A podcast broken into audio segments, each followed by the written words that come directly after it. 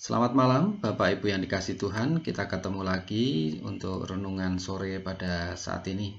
Sebelum mendengar firman Tuhan mari kita berdoa.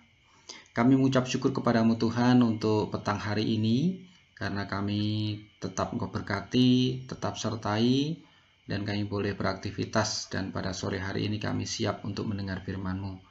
Kami mohon pertolongan roh kudus untuk menolong kami sehingga kami dapat mendengar firman-Mu dengan baik dan melakukan dalam kehidupan sehari-hari.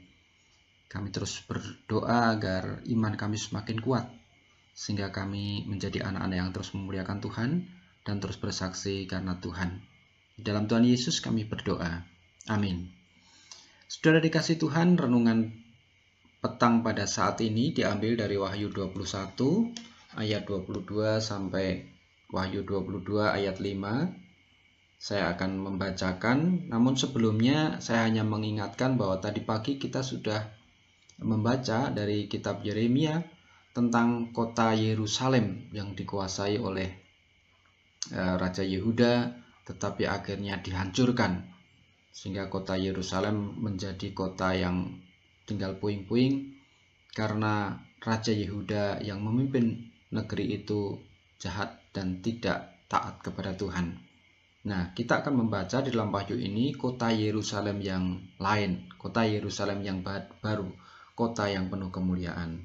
Demikian saya bacakan dari Wahyu 21. Dan aku tidak melihat bait suci di dalamnya, sebab Allah Tuhan yang Maha Kuasa adalah bait sucinya. Demikian juga anak domba itu. Dan kota itu tidak memerlukan matahari dan bulan untuk menyinarinya, Sebab kemuliaan Allah meneranginya dan anak domba itu adalah lampunya. Dan bangsa-bangsa akan berjalan di dalam cahayanya dan raja-raja di bumi membawa kekayaan mereka kepadanya. Dan pintu-pintu gerbangnya tidak akan ditutup pada siang hari sebab malam tidak akan ada lagi di sana. Dan kekayaan dan hormat bangsa-bangsa akan dibawa kepadanya. Tetapi tidak akan masuk ke dalamnya sesuatu yang najis atau orang yang melakukan kekejian atau dusta, tetapi hanya mereka yang namanya tertulis di dalam kitab kehidupan anak domba itu. Wahyu 22, lalu ia menunjukkan kepadaku sungai air kehidupan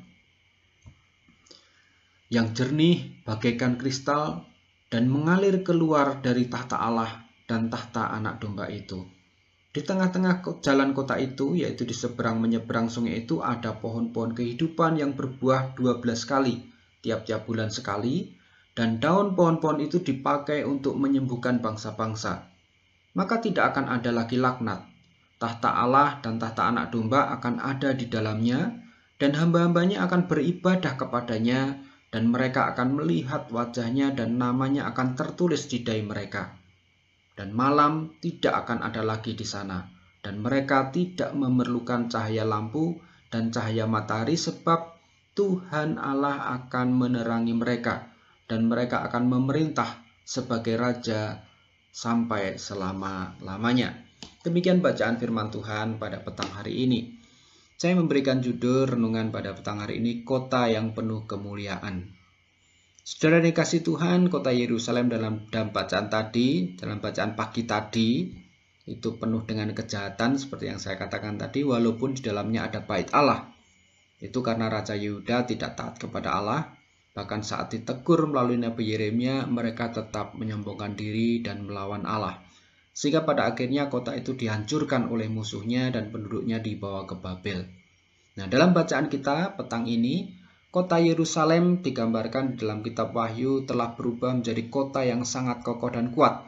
Namun di dalamnya tidak terlihat lagi bangunan bait suci karena Allah, Tuhan yang Maha Kuasa adalah bait sucinya. Bahkan kota ini tidak memerlukan matahari dan bulan untuk menyinarinya sebab kemuliaan Allah, kemuliaan Allah itu meneranginya dan anak domba itulah lampunya. Jadi kota Yerusalem yang baru yang ditulis dalam kitab Wahyu itu menggambarkan suasana kota yang penuh dengan kemuliaan. Bapa dan anak domba menjadi raja di kota itu dan semua bangsa menyembah mereka. Walaupun gerbang kota itu dibiarkan terbuka, namun tidak akan masuk ke dalamnya sesuatu yang najis atau orang yang melakukan kekejian atau dusta. Jadi, hanya mereka yang namanya tertulis di dalam kitab kehidupan anak domba itu yang bisa masuk ke dalam kota itu. Saudara yang kasih Tuhan, Yerusalem baru menjadi tempat bagi mereka yang percaya kepada anak domba Allah yaitu Yesus Kristus. Yesus melalui kematian dan kebangkitannya telah mengalahkan maut dan tidak ada lagi dinding yang memisahkan orang-orang percaya dengan Allah Bapa. Karena darah anak domba telah tercurah di kayu salib sebagai korban pendamaian antara manusia dengan Allah.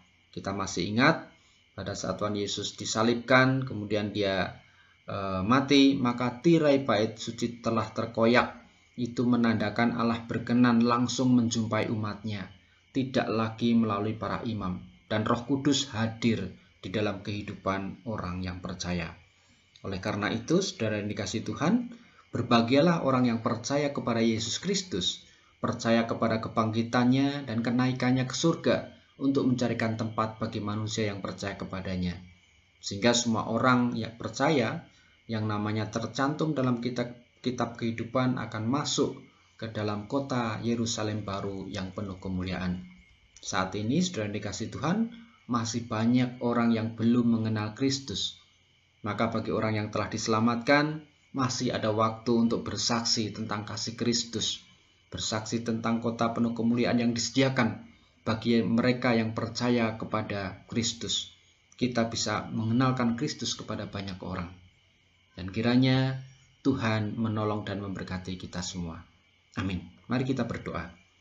Kami bersyukur kepadamu kalau kami telah memiliki Yesus Kristus sebagai juru selamat kami. Yang telah dia yang telah menyelamatkan kami dari maut sehingga kami dapat hidup dan biarlah kami tetap memperbarui diri Tuhan, iman kami terus tumbuh di dalam Engkau sehingga kami tetap percaya kepada Kristus sehingga kami bisa masuk ke dalam kota yang penuh kemuliaan karena Yesus Kristus yang telah menolong dan menjadi jalan kebenaran dan hidup yang membawa kami kepada keselamatan kekal. Kami bersyukur untuk itu Tuhan dan biarlah kami terus bersaksi tentang kasih Tuhan kepada kami, sehingga banyak orang juga semakin mengenal Kristus. Berkati agar kami pada malam hari ini juga bisa beristirahat dengan tenang esok bangun dalam keadaan segar. Dan kami siap beraktivitas kembali. Kami bersyukur untuk firman-Mu pada petang hari ini dan kami menyerahkan seluruh hidup kami ke dalam tangan kuasa-Mu. Dalam Yesus kami berdoa. Amin.